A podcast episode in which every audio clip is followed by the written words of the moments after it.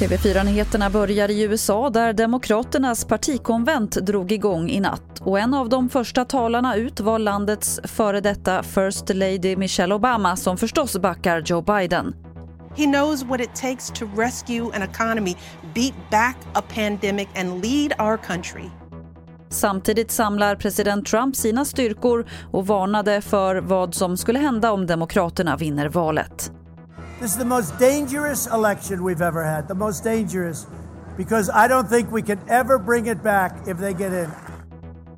Här hemma vill Liberalerna att arbetsgivaravgiften för unga upp till 21 år sänks i kommande årsbudget. Det skriver partiledaren Nyamko Sabuni med flera på DN Debatt idag. Sänkningen ska minska företagens kostnader med runt 7 miljarder kronor. Till sist kan vi berätta att en motor på ett flygplan började brinna på Arlanda igår kväll, det skriver UNT. Det var efter att planet landat och passagerare och besättning klivit av som branden upptäcktes. Ingen kom till skada. Det är oklart hur branden startade. Det var det senaste från TV4 Nyheterna. Jag heter Lotta Wall.